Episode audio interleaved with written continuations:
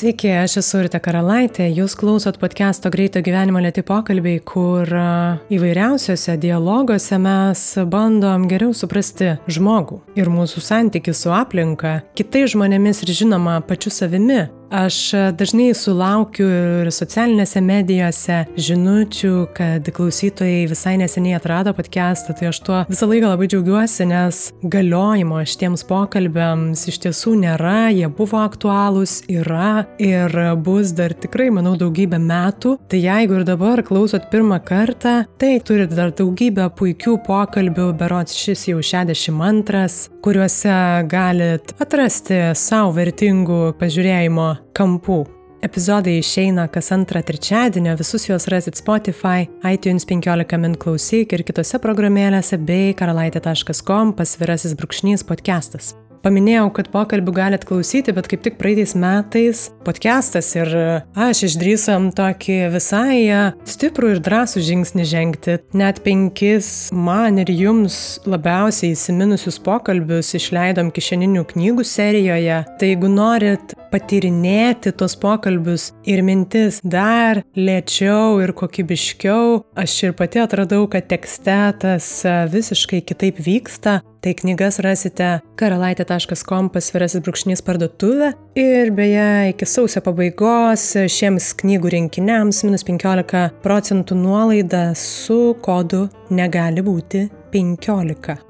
O šiandien kalbuosi su Vilniaus universiteto dėstytoju, filosofu, antikos politikos tyrinėtoju, doktorantūrą apsigynusiu Kembridžo universitete, Vilium Bartninku, su kuriuo aš nerimavau iš tiesų kalbėtis, nes prieš pokalbį jis pats man atsiuntė keletą tekstų apie tai, kas jį domina ir gazdina mane tokie kiekiai informacijos ir jaučiu, kaip mano galva ribotai veikia veikia, bet man labai smagu, kad Vilius nebijo plačiai mąstyti ir už savo tyrinėjimo srities rėmų Ir mes kalbam apie moralę, idealus, kaip kinta šitos sampratos ir kokios jos yra šiandien, kokios buvo antikos laikais ir įdomu, kokios sąsajos čia atsiranda. Tai esu tikra, kad tikrai pasimėgausit Viliaus gebėjimu ir plačiai mąstyti, bet ir gana paprastai įvardinti ir įžodinti savo mintis. Nepamirškim, kad šitas pažintis tikrai be galo vertingas. Aš ir pati kiekvieną kartą už jas dėkoju podcast'o draugams ir rėmėjams. Podcast'ą dabar reguliariai remia berots 170 klausytojų ir jei norit simboliškai bent prisidėti prie šitų vertingų pokalbių ir jūs, tai galit padaryti patreon.com pasvirasis brūkšnys lėti pokalbiai. Podcast'o kūrimą taip pat dalinai finansuoja spaudos, radio ir televizijos rėmimo fondas bei Benedikto Gylio fondas podcast'o draugai Vilniaus universiteto radio stotis Start FM, kurie rūpinasi šiuo metu tuo, kad aš galėčiau kokybiškai įsirašyti namuose, būdama šituos pokalbius. Taip pat e, prie podcast'o daug prisideda 15 minučių ir garso reklamos studija Drop Audio. Tai ačiū tikrai visiems už šitos pokalbius. Čia turiu nuo savęs, bet tikiu ir nuo visų klausytojų, kurių iš tiesų skaičiai auga kiekvieną dieną. Tai tas labai džiugina ne tik mane, bet be abejo ir pašnekovus, kurie nori įsitraukę. Šokim dabar jau pokalbį su Vilium Bartninku.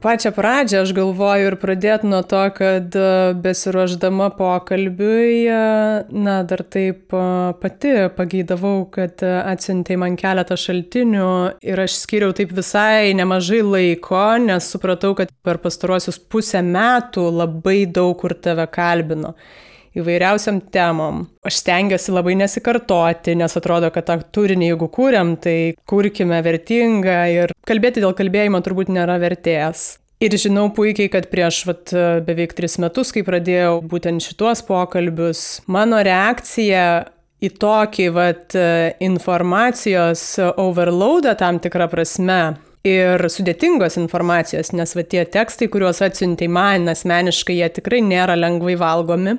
Aš reaguodavau visiškai išgaščiu tokiu, kad aš nesprantu, negaliu, ne man.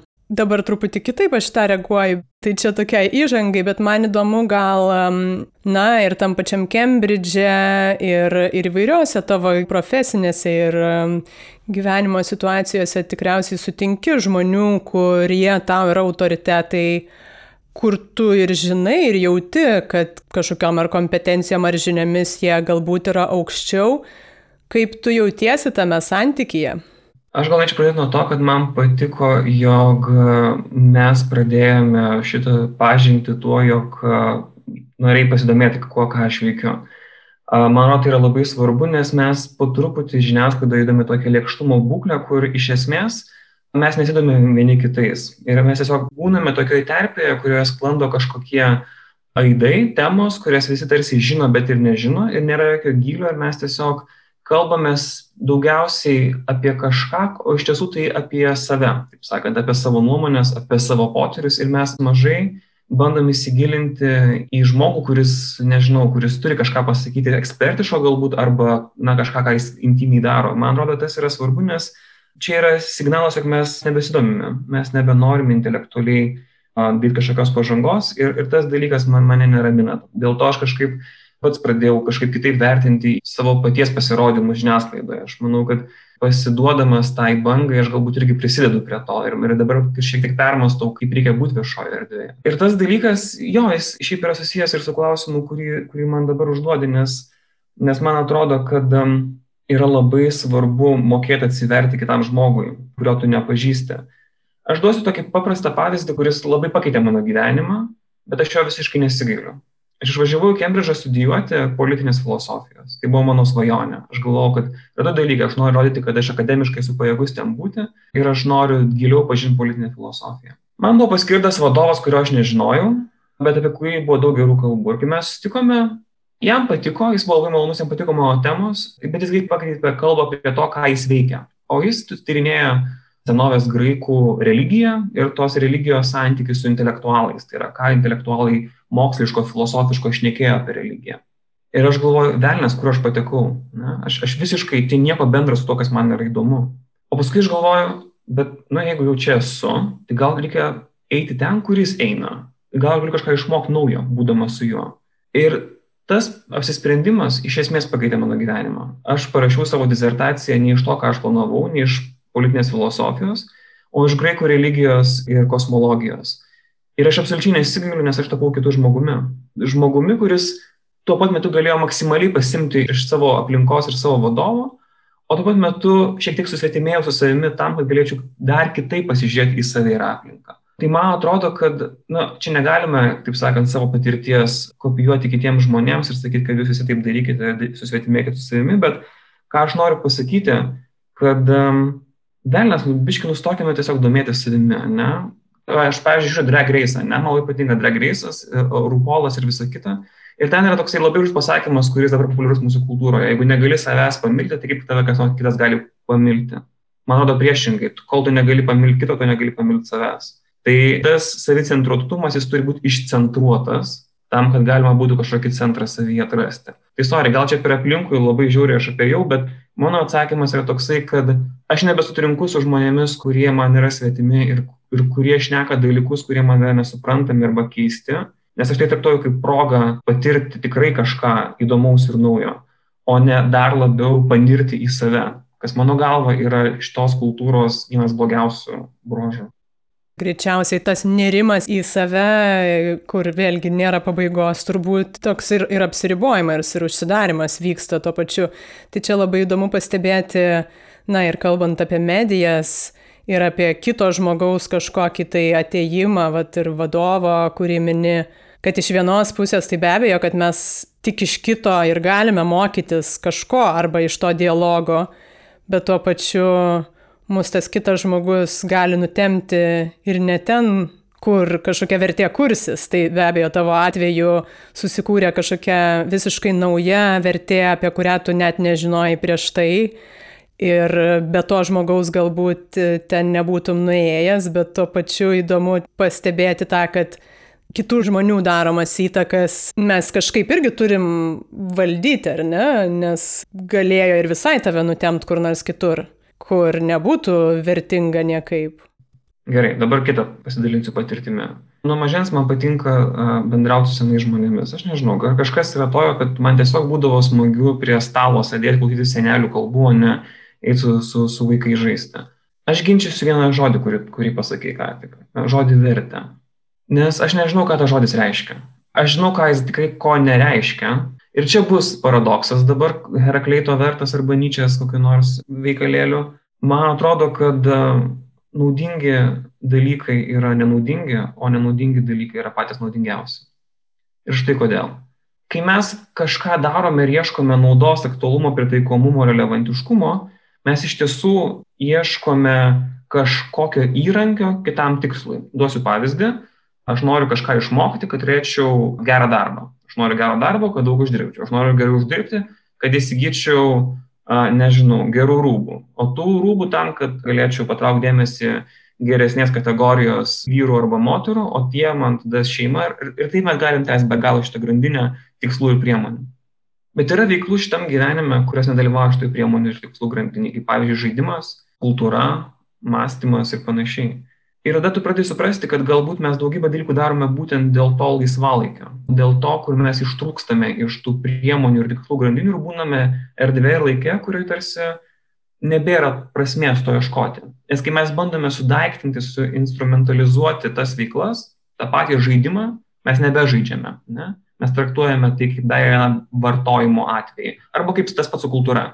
Einu į Kuršunovo spektaklius, kad būčiau intelektualesnis. Tai, surprise, surprise, netapsi niekada intelektualesnis, nes you don't get the point, ne, kodėl tenais reikia iš viso eiti. Dabar grįžtant prie, prie tos vertės, aš nežinau, kas yra vertinga, kas nėra vertinga. Man yra absoliučiai neaišku, kaip atskirti žmogų, kuris vertingai arba nevertingai kalba. Aš nebejoju, kad tai, ką aš dėstu, yra absoliučiai nevertinga Niekia įmanoma prasme. Aš galiu pateisinti, pasakyti, kad, oi, filosofija, kritinis mąstymas, jūs šiandien dirbsite darbus, kurie labai keisis ir jūs galite neturėti savo teisės, nes niekam nebereikės teisės po 50 metų ar po 30. Ir kad jums reikia kažkokių tokių soft įgūdžių. Tvarkoj. Galima taip argumentuoti. Bet jeigu atvirai šnekant, šiaip tai jokios naudos nėra.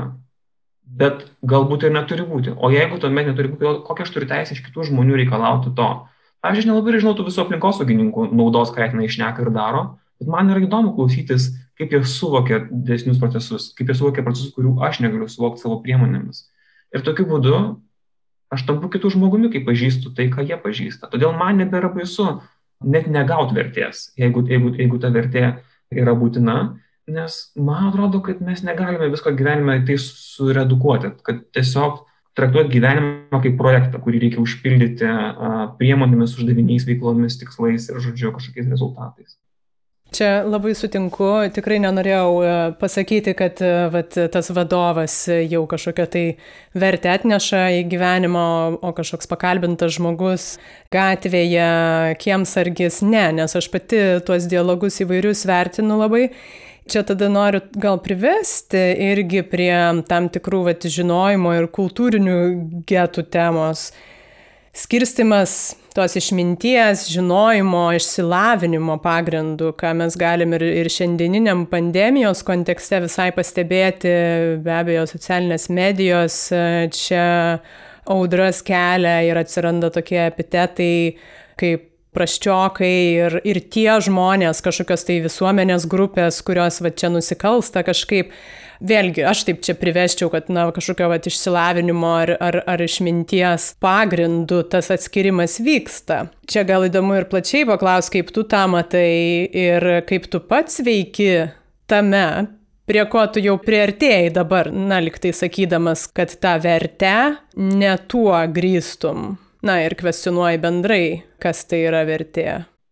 Ekspertiškumą ir žinojimą labai vertinu ne tik dėl to, kad man atrodo, kad istoriškai vakarų kultūra nuo to startuoja, nes graikų pradžia yra būtent ta pradžia, kad žmonės atranda racionalumą. Šiais laikais racionalumas yra visai kaip niekinamas ir yra sakoma, kad galbūt nėra to vienintelio racionalumo, kad jis galbūt yra apspręstas kultūriškai, socialiai ir panašiai, kad nėra kažkokio objektivumo, tiesos ir daugybės kitų dalykų, kuriais žmonės tikėjo iki šio laiko. Bet man atrodo, kad tai yra bet kuriuo atveju vis tiek jeigu ne pagrindas, tai bent jau ištakos, kaip mūsų kultūra formavosi ir funkcionavo. Tai yra svarbu ne vien, taip sakant, bandant suprasti struktūrą, bet yra svarbu ir, ir, ir kasdienybėje.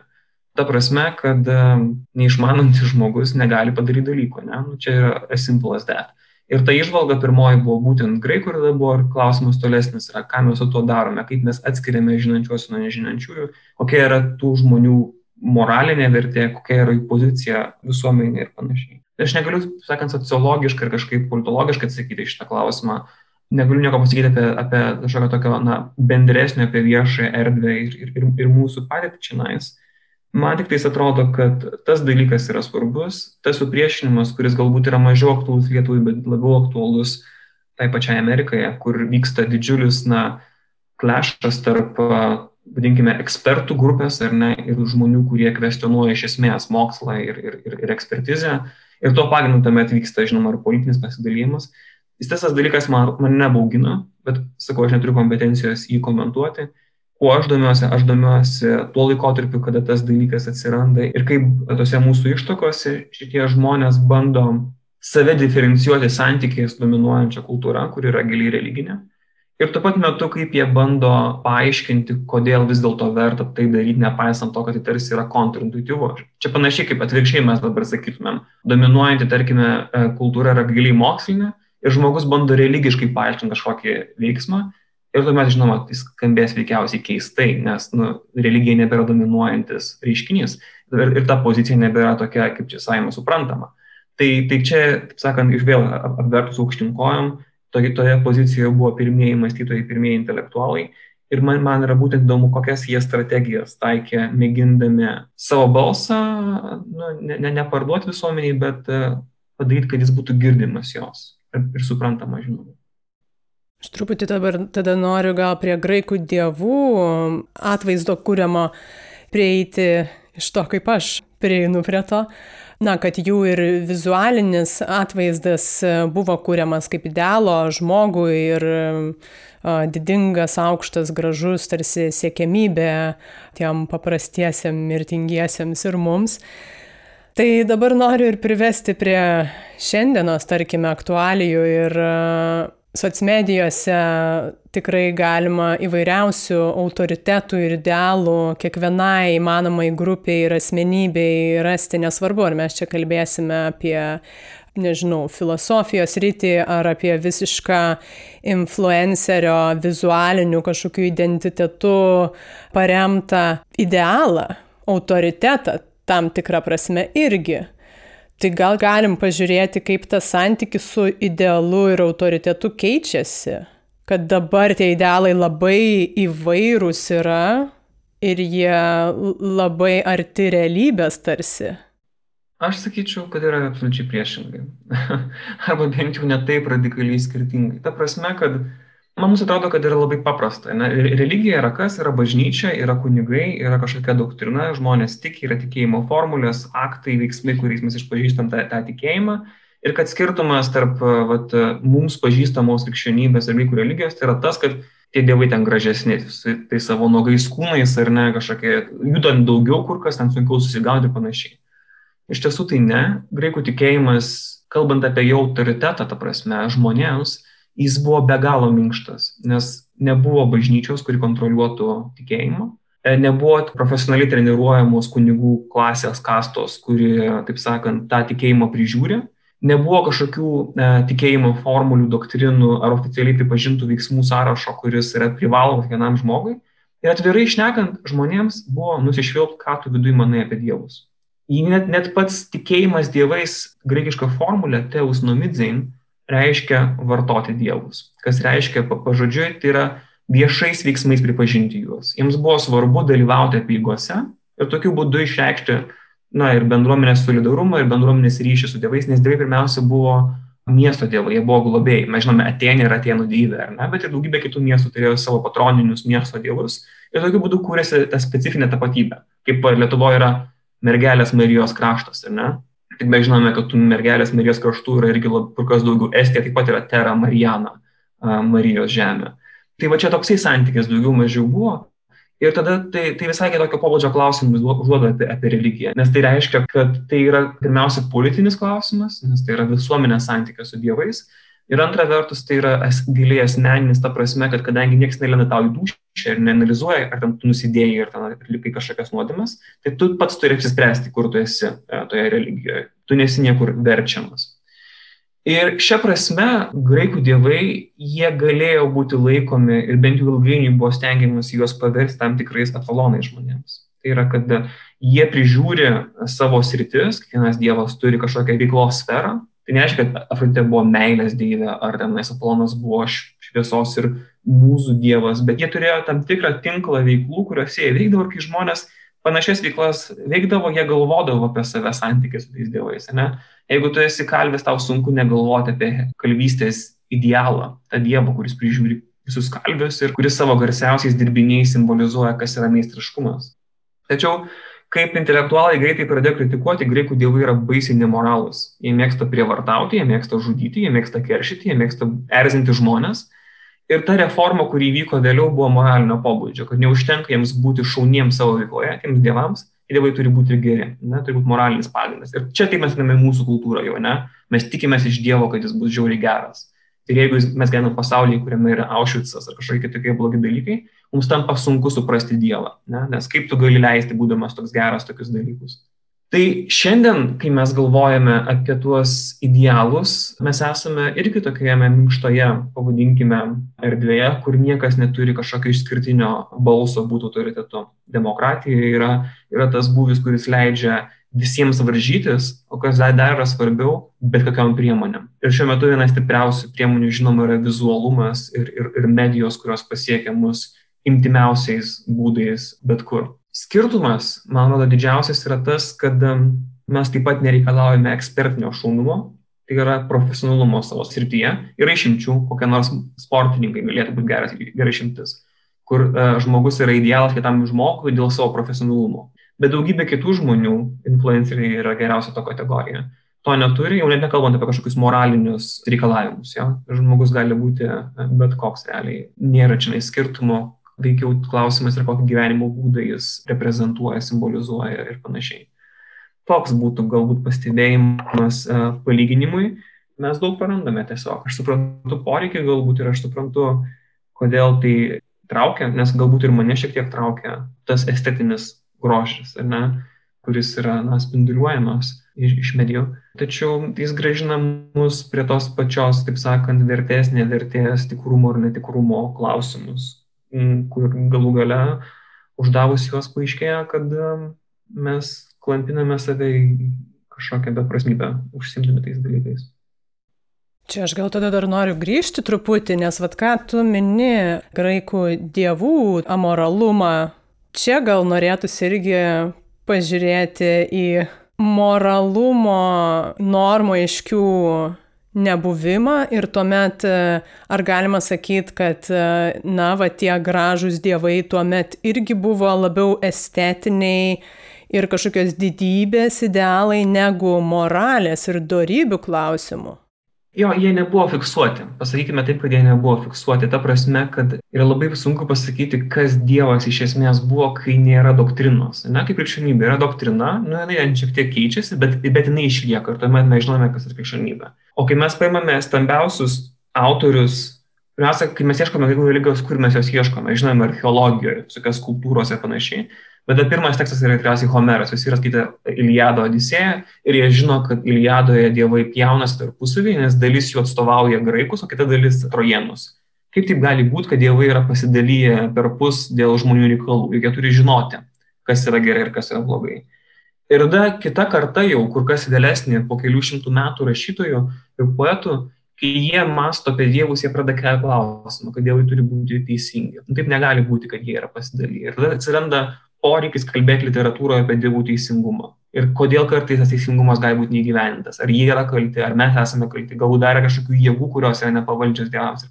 Tai ką šitas poslinkis rodo, kad kadangi nėra fiksuotos doktrinos, yra labai skirtingi įsivaizdavimai ir mes turime kalbėti apie tai, kame tas įsivaizdavimas yra. Tai patys nemoraliausi dievų paveikslai yra, yra žinoma ankstyvųjų poetų pasakojimuose, kurie turėjo didžiulę įtaką tai visuomeniai Tačiau ilgainiui pradėjo kiti diskursai dominuoti ir kitokios mintis. Ir nors ir toliau buvo e, na, tie estet, estetinės, estetiniai vaizdiniai, tai yra kaip tas Dievas e, yra, jo atributai, kaip jis yra na, fiziškai prezentuojamas, e, šitie dalykai išliko, tačiau pati koncepcija, kas tie dievai yra, ne, kokie jie yra ten viduje, jinai pakito. Būtent dėl to, kad kadangi nebuvo kam sukontroliuoti šito proceso, ar ne, ir tiesiog vyko gyvas debatas, buvo gyvas pokalbis galima visokiausių teorijų kelti apie tai, kaip filosofija atsirado, daugybė žmonių turi labai skirtingus požiūrius. Bet vienas iš būdų, kaip filosofija atsirado ir įsitvirtino, buvo būtent tai, kad filosofai turėjo ką pasakyti šio klausimu. Tai yra, kad jie buvo grupė žmonių, kurie intensyviausiai kvestionavo tas kultūrinės vertybės graikų, tas tokias išskydusias ir neturinčias labai e, aiškaus gėrio ir teisingumo supratimo Ir jie pasakė, kad ne, čia turi būti tam tikros taisyklės, jeigu mes įsivaizduojame, nes Dievo savoka kaip kažkokios galingos būtybės, jinai yra nesuderinama su kažkuo, kas yra absoliučiai negera ir neteisinga. Ir jie tokiu būdu intelektualiai tvirtino savo balsą, sako, mes žinome, kaip turi būti, mes galime jums pasakyti. Žmonės, ne visi, žinoma, nedauguma, bet priėmė. Ir tokiu būdu ta tradicija įsitvirtina. Žinoma, jie daugybę kitų dalykų nuostabių pasakojo, tie filosofai ten analizavo ir gamtą, ir meteorologinius reiškinius, ir politiką, ir ekonomiką, viską analizavo. Tačiau kadangi jie turėjo ką pasakyti aktualių klausimų visuomenėje, jie dėl to ir, ir įsitvirtino. Gal galim tada pažiūrėti bendrai į moralės e, normas ir sampratą visoje laiko juostoje ir ar galima sakyti taip, kad jinai yra kažkiek nuolat kintanti ir likvidi? Net ir dabar žiūrint, ar mes e, galime rasti visiškai universales, aiškias kažkokias normas, kurios tikrai būtų visiems visuomenės e, ir visų kultūrų nariams primtinos.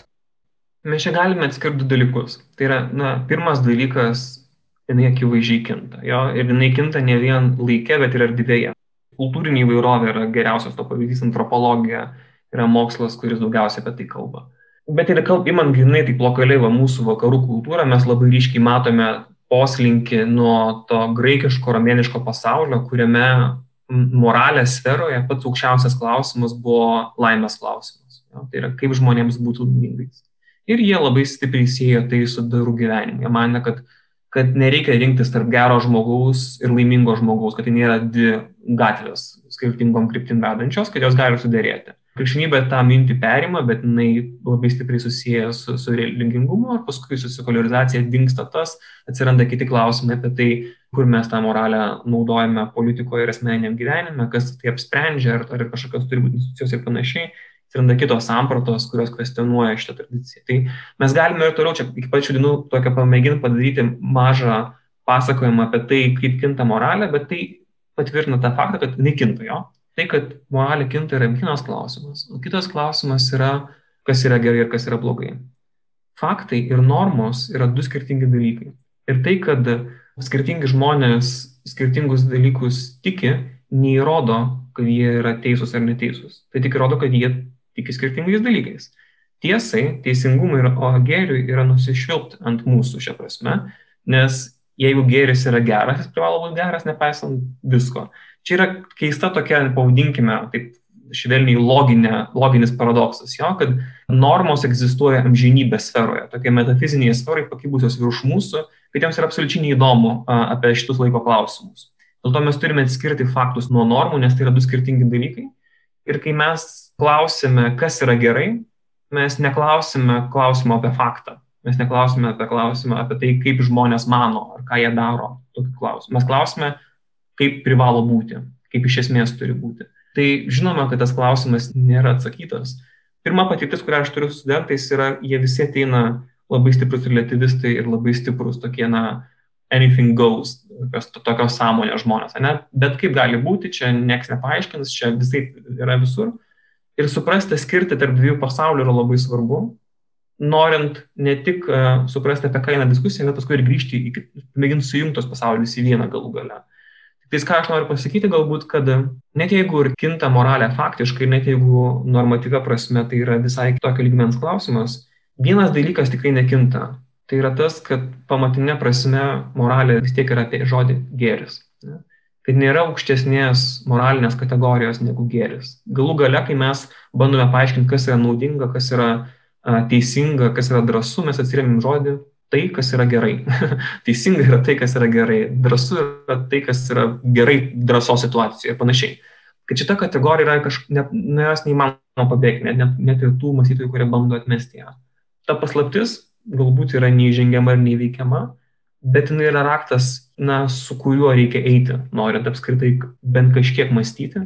Ir eilinį kartą graikai yra pirmieji apie tai pradėjo daryti, nors negalvoti. Platonas labai gražioje analogijoje, galvodamas, jis sako, bet mes tyrinėjame įvairias idėjas su jumis, čia tokie ten jaunuoliai yra, žodžiu, susirinkę ir ten Sokrato balsu, šnekasi su jais.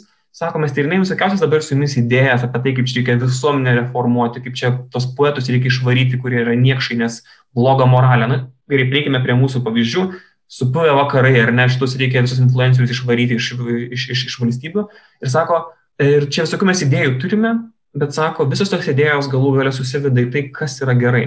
Ir tas, kas yra gerai, yra keistas daiktas, nes tai yra kažkokia ribinė savoka, tai yra kažkur, kur mūsų mąstymas daugiau negali pasislinkti, nes kai mes paklausime, kas yra gerai, mes atsakome, kad tai, kas ir yra gerai.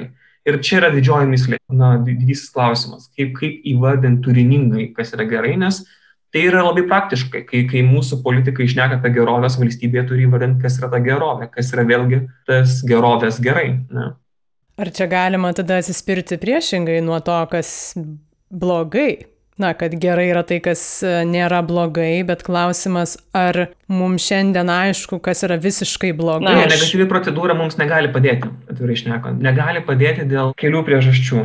Imkime pavyzdį su teisingumu. Ne? Jeigu teisingumas yra tik tais negatyvios procedūros, apsauginės procedūros, nevok, nežudyk ar ne, atitaisome viską, tada mes negalime nieko pasakyti, kaip pozityviai panaudoti teisingumą. Ir tai atrodo na, ne, neprotinga, nes mums teisingumo reikia pozityvę prasme į daugybę situacijų. Pavyzdžiui, mes dalyjamės gerybėmis, mes dalyjamės postais arba pozicijom, pareigybėm, pavyzdžiui. Mums reikia teisingumo, ar ne, vadinasi, ir pozityviems veiksmams. Negatyvumas negali padėti.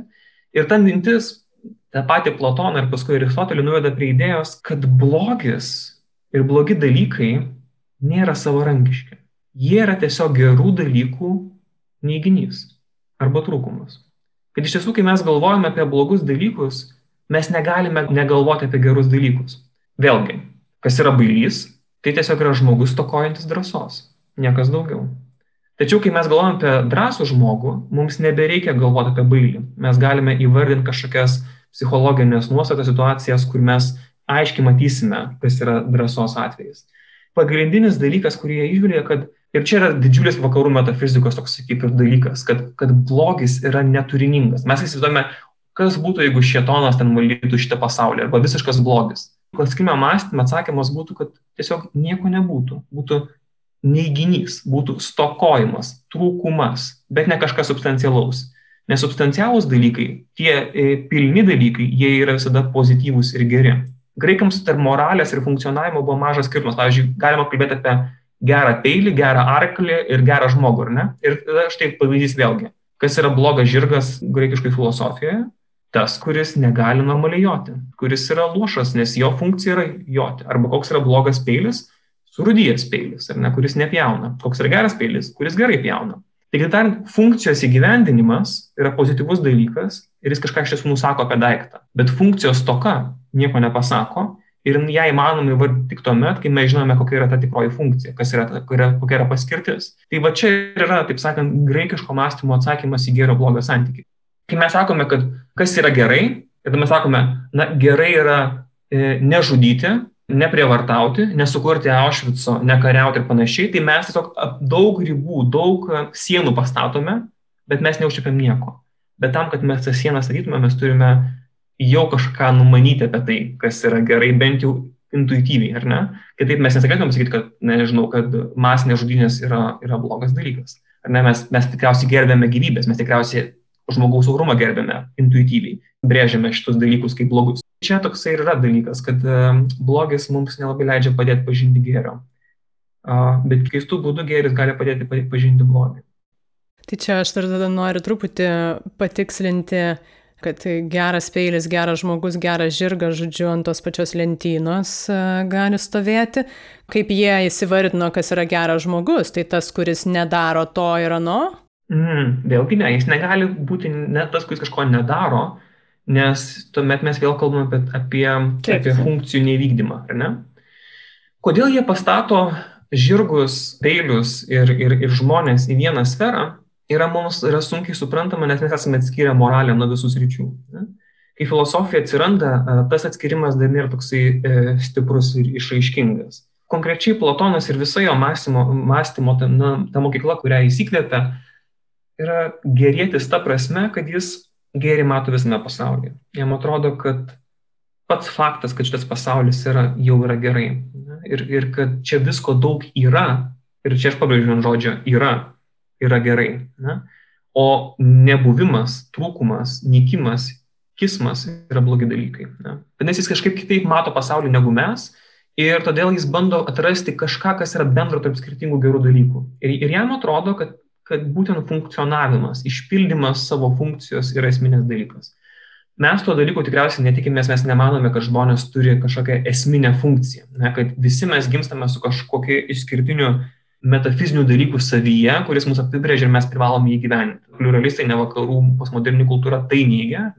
Ir dėl to tampa labai sudėtinga pasakyti, kodėl tai yra relevantiška šiandien kaip tai išnekėti. Nes, nu, jeigu tu netiki, kad mes turime kažkokią tapatumą savyje, kuris mus išskiria iš visų kitų būtybių, jeigu mes esame tokie patys kaip delfinai ar, ar kitos protingos uh, mąstančios būtybės, tai, tai apie kokią mes čia esame ar prigimti galime išnekėti. Nes žodis prigimtis, kurį labai mėgsta dešinieji, jis nėra toks juodas, ta prasme, kad jis nenurodo į ten kaž, kažkokią Bibliją, bet jis pirmiausia nurodo vakarų mąstymo tradicijų į būtent tą klausimą, kuo mes išsiskiriame, kas mus apibrėžia. Tačiau net ir tie žmonės, kurie bando šiais laikais gaivinti tą tokį antikinį mąstymą apie moralę, jie sako, kad tas galvojimas apie esmes yra svarbus, nes mes vis dėlto vis tiek norime įsivardinti, kas yra žmogui svarbiausia kaip žmogui kuo žmogus išsiskiria iš visų kitų būtybių ir kas yra jam ypatinga jo veikloje, ką jis daro kitaip. Ir galbūt tai ir yra. Taip sakant, gal ta esmė nėra tokia kieta, kaip mes įsivaizdavome kito laiko, bet galbūt čia ir galime atrasti tą specifinį žmogišką veikimo būdą. Šio laikiniai mąstytojai daro daugybę sąrašų, ar ne? Draugystė, žaidimas, praktinis mąstymas ir, ir, ir panašus dalykai, kurie, kuriais nepasižymė taip stipriai bent jau kitos gyvybės formos, kaip mes šitas impulsas eina būtent iš to laiko, kuriame pačioje pradžioje yra galvojama apie tai, kaip mes išsiskiriame ir, ir tas atsakymas jų, kad mūsų esminė funkcija yra ne vien būti protingais, nes neužtenka vien tik tais gudriai išmanyti, kaip čia apžais dalykus, bet mes taip pat išsiskiriam ir moralinio a, suvokimu. Ir kad tie dalykai mus apibrėžiantis, jie turi kažkaip kartu eiti. Tai yra išmintis nėra iki galo išmintis, jeigu jinai atskiria protą ir gėrį turi kažkaip tie dalykai kartu sueiti. Tai dėl to uh, yra sakoma, jo, žirgo funkcija yra joti. Tai išskiria jį iš visų kitų uh, gyvų būtybių.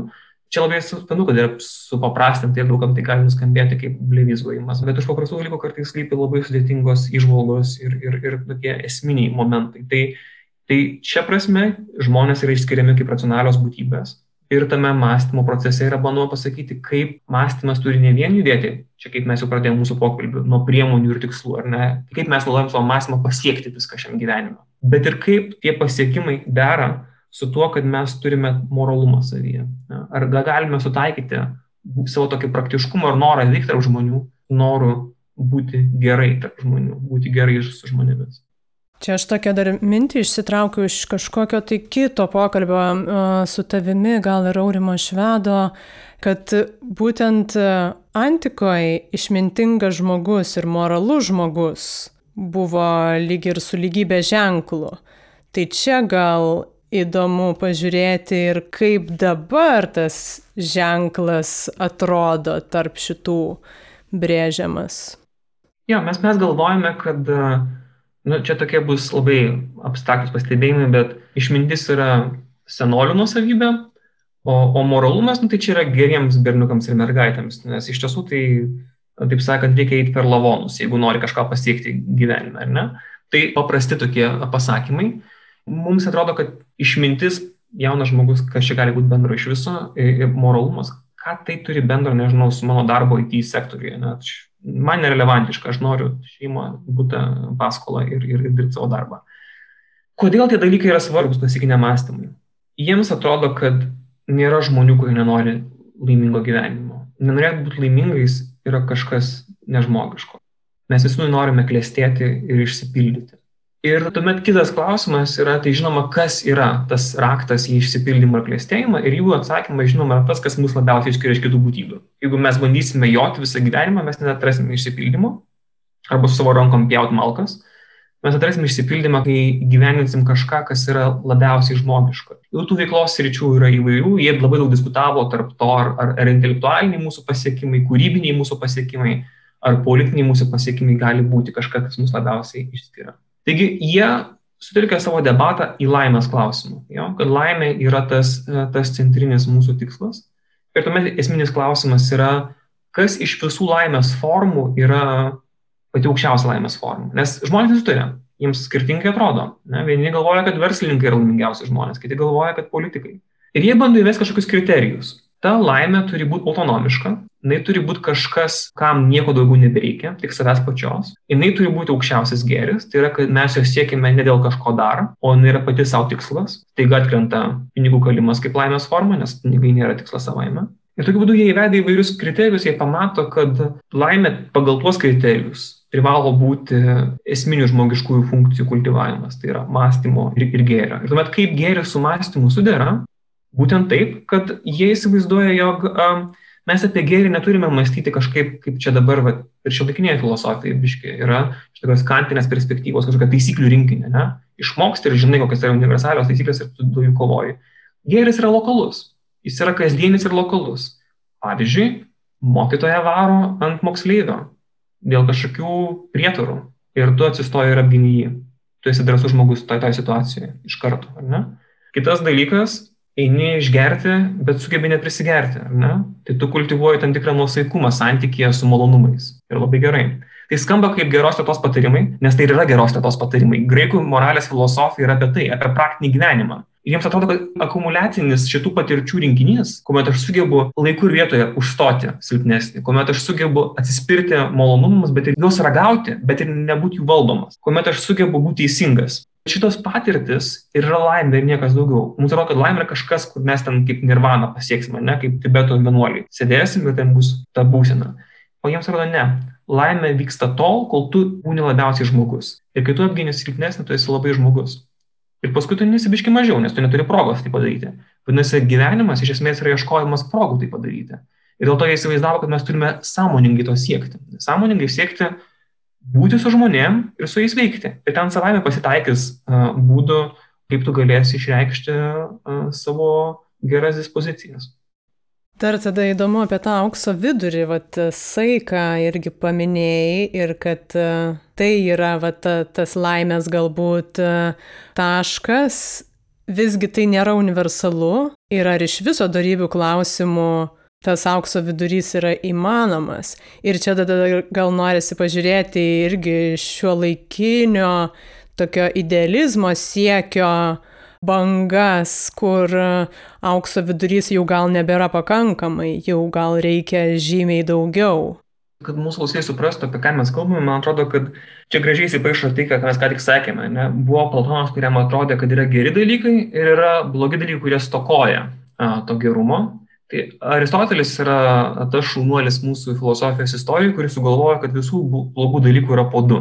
Nes yra perteklius ir trūkumas. Ir kad perteklius gali būti tiek pat blogas, kiek a, trūkumas. Ir pavyzdys būtų, jeigu drąsa yra geras šiaip jau veikimas, tai tuomet bailumas nėra vienintelė bloga forma. Avantūrizmas irgi taip pat yra bloga forma, tai yra, kai tu rizikuoji beprasmiškai savo gyvybę. Paprasta situacija būtų štai kokia. Nu, čia bus neabsurdiška, biški, bet yra kariai, tuoj sprogs bomba, kažkas turi pasiaukoti. Tai jeigu niekas nesiaukoja, jie visi bijojo dėl kitų, ne? Jeigu uh, vienas šoko ant jos, dengdamas krūtinę, jis ir buvo pats drąsiausias iš jų, nes jis apgynė visus kitus. Ir įsivaizduokim tą pačią situaciją, be visų tų karių tik vienas žmogus ir bomba, tiesiog žmogus šoka ant bombos, tai čia yra, sakant, nonsensas, čia yra drąsos perteklius, ar ne, ekstremalumo perteklius. Okay, tai, tai taip yra tas aukso vidurys, kažkoks, kažkoks keistas ieškojimas to taško, Čia yra šiaurės dėtinga, nes nėra kažkokios universalios taisyklės išskyrus šią. Esmė yra labai paprasta mes turime kažkokią abstrakčią taisyklę apie vidurį, mes turime kelias, kelias taisyklės apie tai, kas yra gerai ir kas yra laimė, ir tuomet mes turime ieškoti. Ir didžiausia problema tuomet yra, kaip pasakyti, kad vienu laikotarpiu Achilas yra drasus, ne, kuris troji kariauja, o kitų laikotarpiu sufražistė yra drasi, ne, nes tarp Achilo ir sufražistės tikriausiai nu, mažai kas bendro, jo, socialiai, kultūriškai ir panašiai. Tai čia yra tos tokios lokalios darybių etikos didžiausia problema, kaip paaiškinti tą, tą kultūrinį pokytį ir, ir kismą. Ir jis yra, žinoma, taip pat kontrintuityvus mūsų kultūroje, kuriame vartojimas ir gyrybių kaupimas yra tam tikra vertybė, ar statuso simbolis, ar negalios simbolis ir panašiai kur susilaikimas atrodo kažkas ne, ne, netinkamo.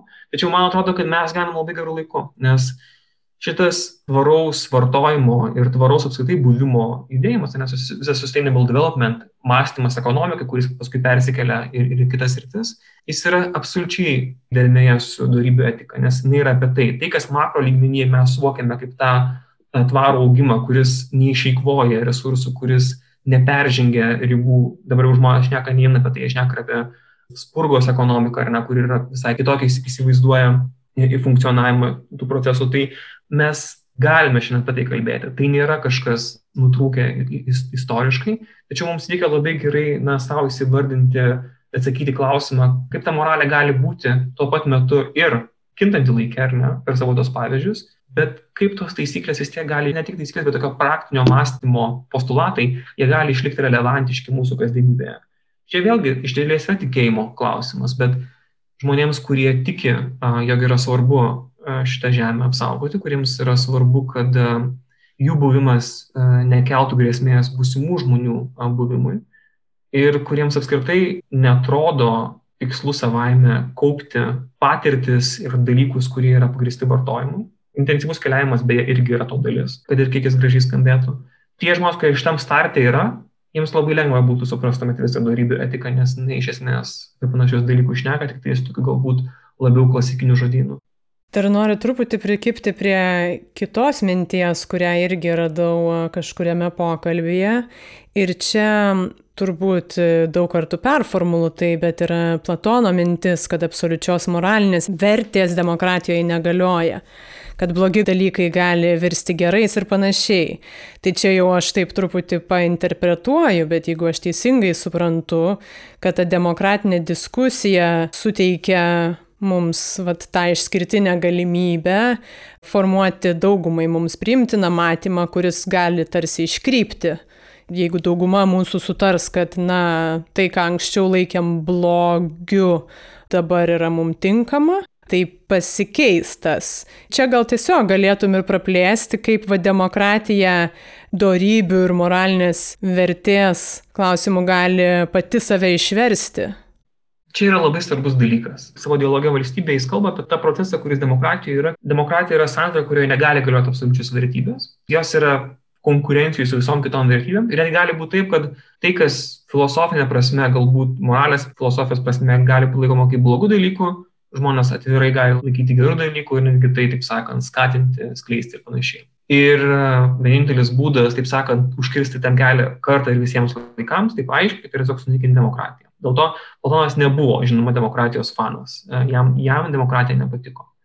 Ir mes iš e, savo istorinės patirties, suvokdami, kad vargu ar mes galime bent jau šitame savo egzistencijos periode atrasti geresnį politinį buvimo būdą, mes turime klaustis savyje, o ar galime, taip sakant, ir avį ir vilką išsaugoti tuo pat metu. Tai yra, ar įmanoma kalbėti apie šitą, šitą moralę, demokratijoje, ar ne, ir kažkaip prasmingai taip kalbėti, kad tai netaptų e, viena vertus demokratijos naikinimu, nes šita įtampa yra tarp politikos ir moralės. Jo, kad jeigu moralė yra svarbi už politiką, tai aš esu linkęs paukoti tam tikras politinės institucijas, kad, kad mano moralės normos dominuotų jo.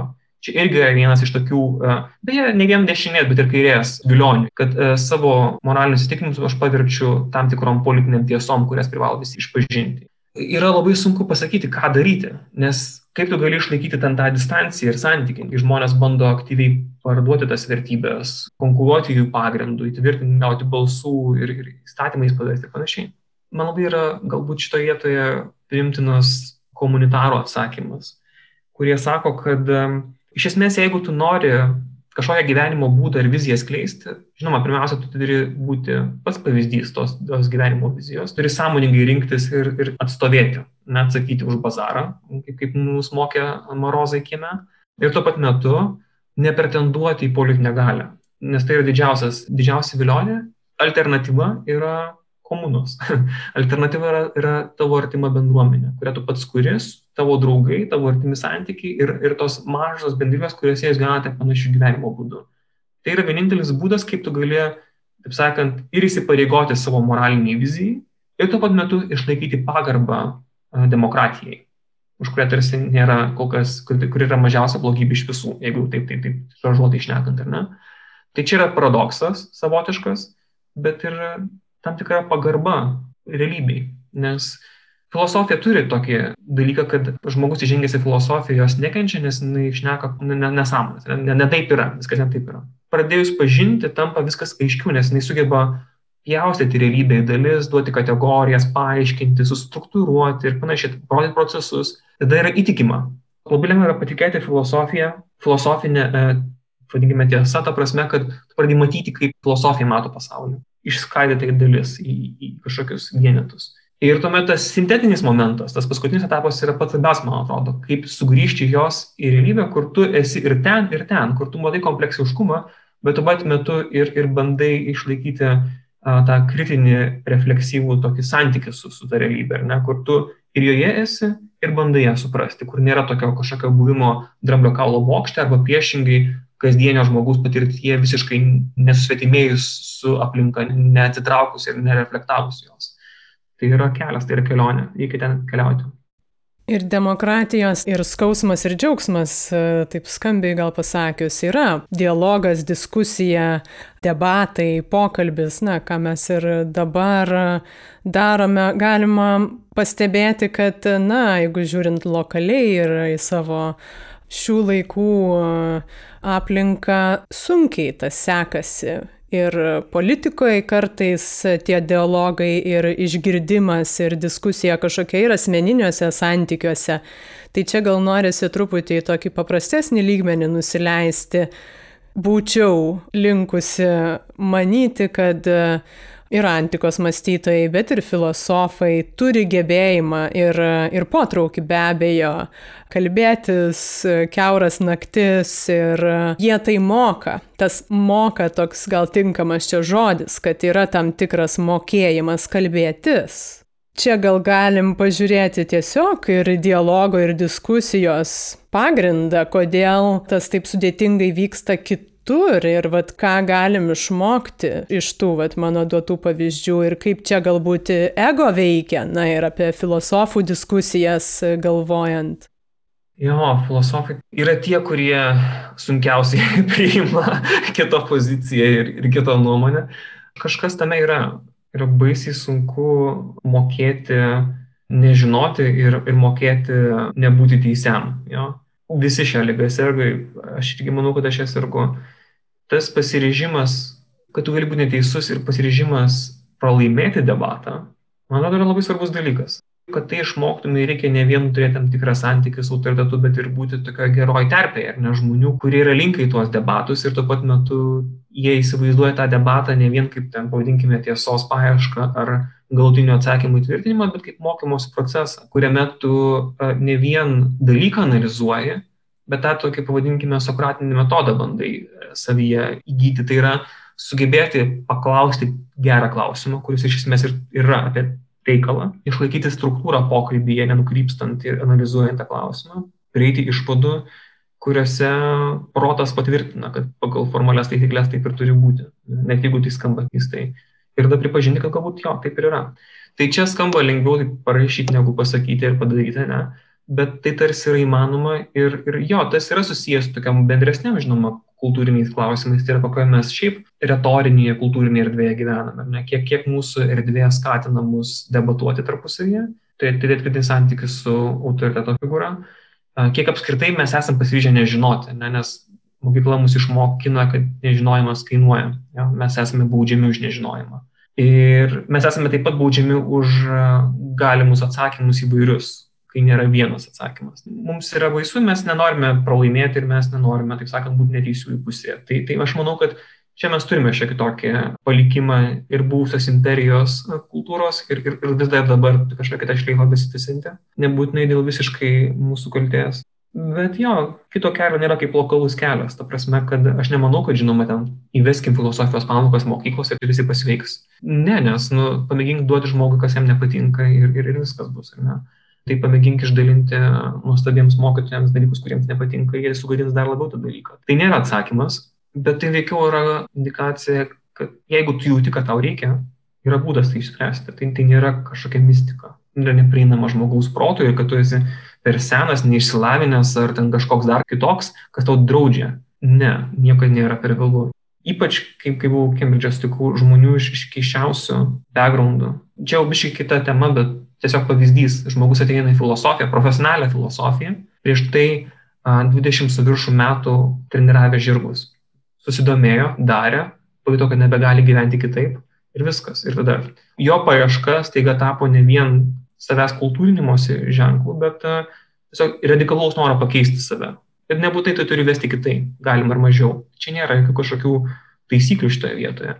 Svarbu kažkoks galų galia sažiningumas santykė su savimi, kas tu esi. Pats sugebėjimas diagnozuoti, išlipti iš savęs ir pažiūrėti save iš išorės, pasakyti, ko tau trūksta. Galbūt to netrūksta, galbūt to nereikia. Ir iš viso, tikriausiai to nereikia, nes Nes kai tu tapsi toks, tapsi labai nemaloniu žmogum per vakarienės, smoltokus ir panašiai, nes tu mėginsi prie esmės, analizuoti, diskutuoti, užknisa tokie žmonės. Tai jeigu gyvename erdvėje, kurioje to nereikia, tai tada gal ir nereikia. Bet jeigu yra kažkas viduje, kas neduoda ramybės, tai čia žinokit yra tas pirma indikacija kitoje garsioje Platono oloje, kad grandinės trukinėja, ne? kad, kad jau kažkur laisvas gūsis yra, bet reikia tada jas visiškai nusimesti ir pasižiūrėti, kur tu esi. Čia man e, aiškiai labai įvardinai ir, ir gal kažkiek atsako bendrai šitos problemos e, adresą tas prieimimas nežinojimo.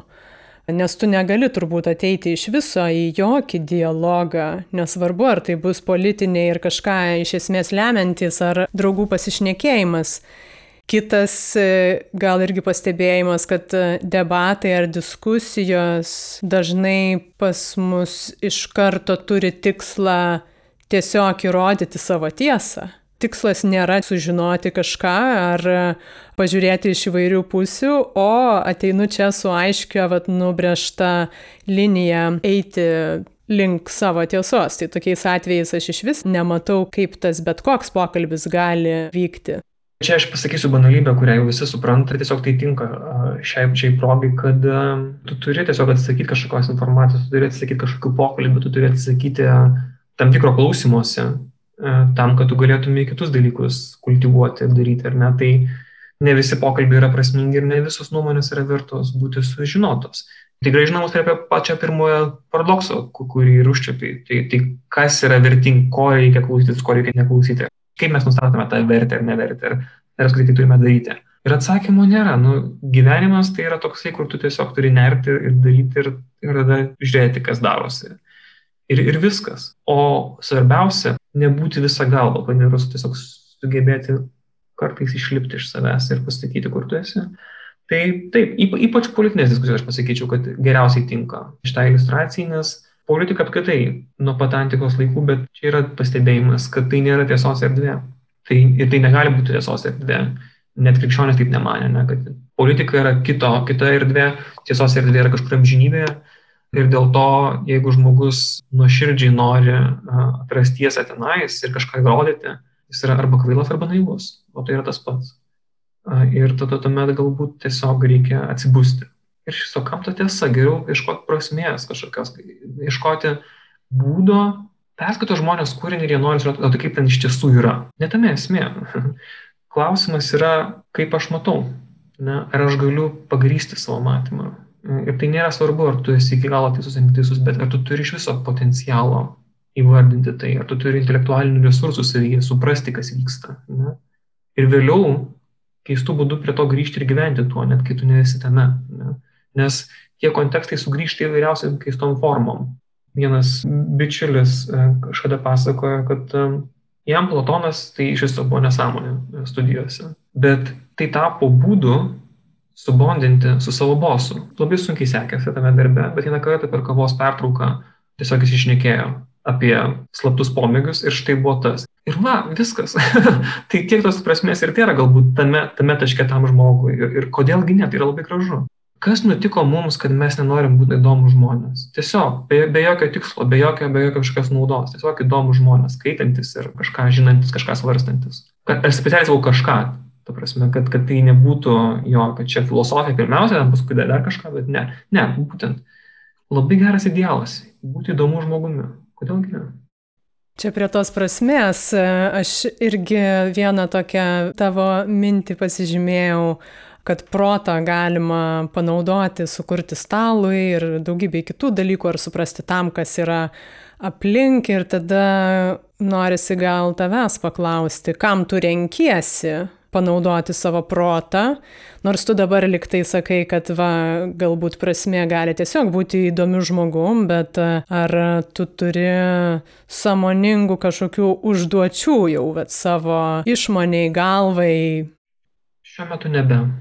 Kurį laiką buvo, bet tai buvo labiau susijęs su tokiu mano perfekcionizmu ir maksimalizmu, noriu rodyti aplinkiniams ir panašiai. Ir tai buvo tas toks instrumentinis proto naudojimas, kur tu bandai kažkokius pasiekimus kolekcionuoti, bet po kažkiek laiko paaiškėja, kad tie pasiekimai nėra kokybiniai. Jie tiesiog yra tam tikras skaičius ir jie nelabai ką simbolizuoja išskyrus tai, kad uh, tu turi tos gebėjimus, kurie leidžia tam tikrus dalykus daryti. Nebūtina juos kažkaip paversti visą tai tiesiog CV rašymu, ar ne. Tai, tai šiuo momentu aš neturiu jokios krypties. Aš nežinau, kur aš einu ir nežinau, bet aš nenoriu, aš nenoriu galvoti apie tai, kad tai yra, kad kad aš gyvenu bevertį gyvenimą, kad maždaug aš nieko nesukuriu arba ar kad nepadedu čia, nežinau, žmonijai, Lietuvai, visuomeniai, savo aplinkai. Nes, nes ne va, jeigu tu kažką išmanai, turi padėti. Man tiesiog atrodo, kad nereikia heroizuoti kažkaip savęs ir, ir tiesiog gyventi gyvenimo lokaliai ir daryti geriausia, ką gali tam, kad tavo kasdienybė iš tavęs reikalauja. Mano kasdienybė yra darbas su jaunais žmonėmis. Ir man tai yra be galo malonu tiesą sakant, man yra kur kas maloniau galvoti apie jų iššūkius ir jų klausimus, negu pačiam savo užduoti kažkokius klausimus arba galvoti apie amžinatelis įvairių filosofų užduotus klausimus. Kurį laiką man tai buvo įdomiausias dalykas ir galbūt vėl tai bus. Bet šiuo momentu pedagoginėje veikloje aš matau didžiausią prasme. Tik dėl to, kad man yra labai gražus momentas žmogaus gyvenime, kur, nu taip simboliškai tariant, tu esi šiek tiek tabulo rasa, toks netašytas barbaras, nes mes visi tokie esame atėjai šitam šitoj rytų Europos erdvėje, kurie apsimeta, kad yra Šiaurės Europa. Ir tuomet įvyksta tas sukultūrinimo momentas, labai baisus imperialistinis dalykas, nes taiga vakarų kultūra įžengia tavo sielą per, per literatūros kūrinius, per filosofiją, per muziką, per filmus galų galę. Man patinka tai matyti, nes tai kažkoks gimimas ir gimimas iš naujo. Tai yra labai gražu. O kol šiuo metu man tai yra gražiausia. Dėl to aš kažkaip niekur kitur nenoriu būti, išskyrus ten, kur tai vyksta. Čia ir tam tikros santykio su pakankamumu klausimas turbūt, nes, na, įvairiose sritise, nesvarbu ar akademiniai, ar, ar verslo, ar kūrybos, ar pasiekimų jau konkrečių kvalifikacijos, žmogui gana sunku nuspręsti ar ir pajausti ir be abejo nepasiduoti kažkokiai visiškai inercijai, kada man yra gerai jau čia. Be abejo, mes niekad nežinom, kas bus rytoj ir gal rytoj jau bus šakės kaip gerai, Na, va, ar renkamės kolekcionuoti ir būtinai kopti kuo aukščiau, ar pasirenkam, na, ką tu ir dabar sakai, kad tu jauti tame prasme. Nėra taip, kad tu kažkur tai sustojai, vad stagnavai ir, ir čia tu pėsi, nes tau yra komfortas.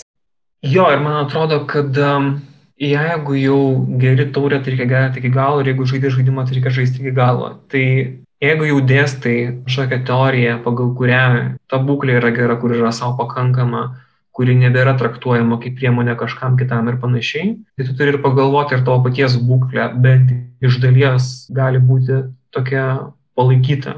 Ir jeigu ir aš ir turiu norą, tai aš norėčiau, kad tai, ką veikiu, būtų ištikima tam idealui. Nes nedrasu yra sakyti, kad jo, aš esu tipo antikos filosofų idealas, aš taip ir gyvenu, nes tai yra kvaila, tai yra hubris ir dievai nekenčia hubris, dievai keršė tiems, kas mano, kad jie, kad, kad jie žino, jie privalo nežinoti ir tai yra labai sunku. Norėti žinoti ir tuo metu išlaikyti savo ribas, nes arogancija yra pats lengviausias išeitis.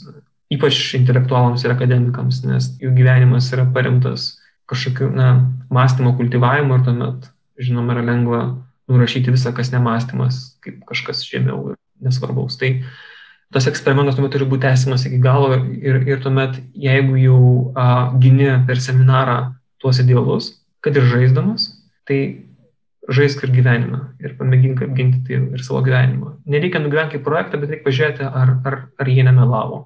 Ir man yra įdomu apie tai galvoti. Ar tas veikaliukas, kurį tu skaitai, kuris yra tarsi teorinis, ar jis iš tiesų galėjo būti praktinis. Ar, ar čia yra neva gyvenimo būdo vadovas, kuriuos mes dabar perkame už 5 eurus iš įvairių leidyklų. Gal ir yra, aš manau, kad taip. Net jeigu ir turėčiau daugiau klausimų, kažkaip pagal nuotaiką jaučiu, kad čia yra puikus taškas mums šį kartą pabaigti.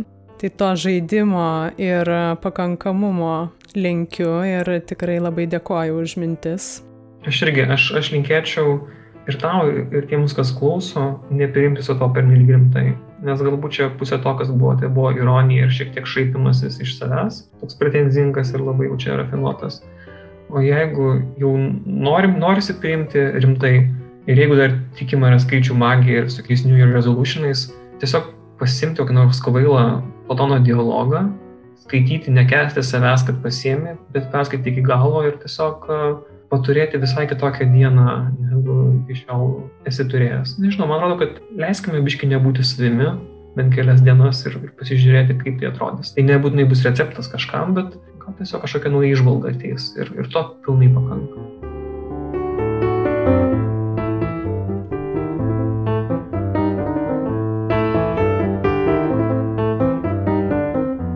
Ačiū Jums už ausis ir galvas. Savo pačiai aš irgi noriu padėkoti už galvą, nes kartais tikrai jaučiu, kad e, toks gana intensyvus pokalbis e, tuos varštelius galvoj labai rimtai prajudina ir jaučiuosi po to pavargusi kaip po, nežinau, visos dienos mūryjimo, nors tikrai nežinau, ką reiškia tai.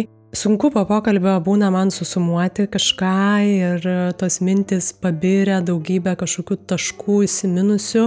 Šitas pokalbis man buvo toks labai lengvai tekantis, kuo visuomet džiaugiuosi, bet e, tuo pačiu ir vertinga savo ir prieštaromis, ir e, kažkokiam provokacijom. Tai nebuvo vien tik tai kamulio spardimas į vienus vartus. Kalbant ir apie patį pokalbį, be abejo, man turbūt labiausiai įsiminė ganėtinai paprastas ir ne pirmą kartą girdimas momentas tas nežinojimo prieimimas. Dialoguose, diskusijose, bendrai kiekvienam žingsnėje. Ir tai man turbūt asmeniškai yra labai svarbu, nes jeigu ne nebūčiau šito dalyko, šito žingsnio padariusi, niekada nebūtų atsiradę podcast'o. Ir tikrai žinau, kad niekada nebūčiau tiek išjudėjusi į vairias puses, nes kiekvieną kartą dabar jaučiuosi ir po tokio pokalbio, ir po bet kokio kito pokalbio, kuriame išdrįstų nežinoti ir nebijoti to nežinojimo, augi šviesmečiais. Ir čia aš vertinu ne tai, kad aš asmeniškai augau šviesmečiais ir kaip tai yra nuostabu, bet uh,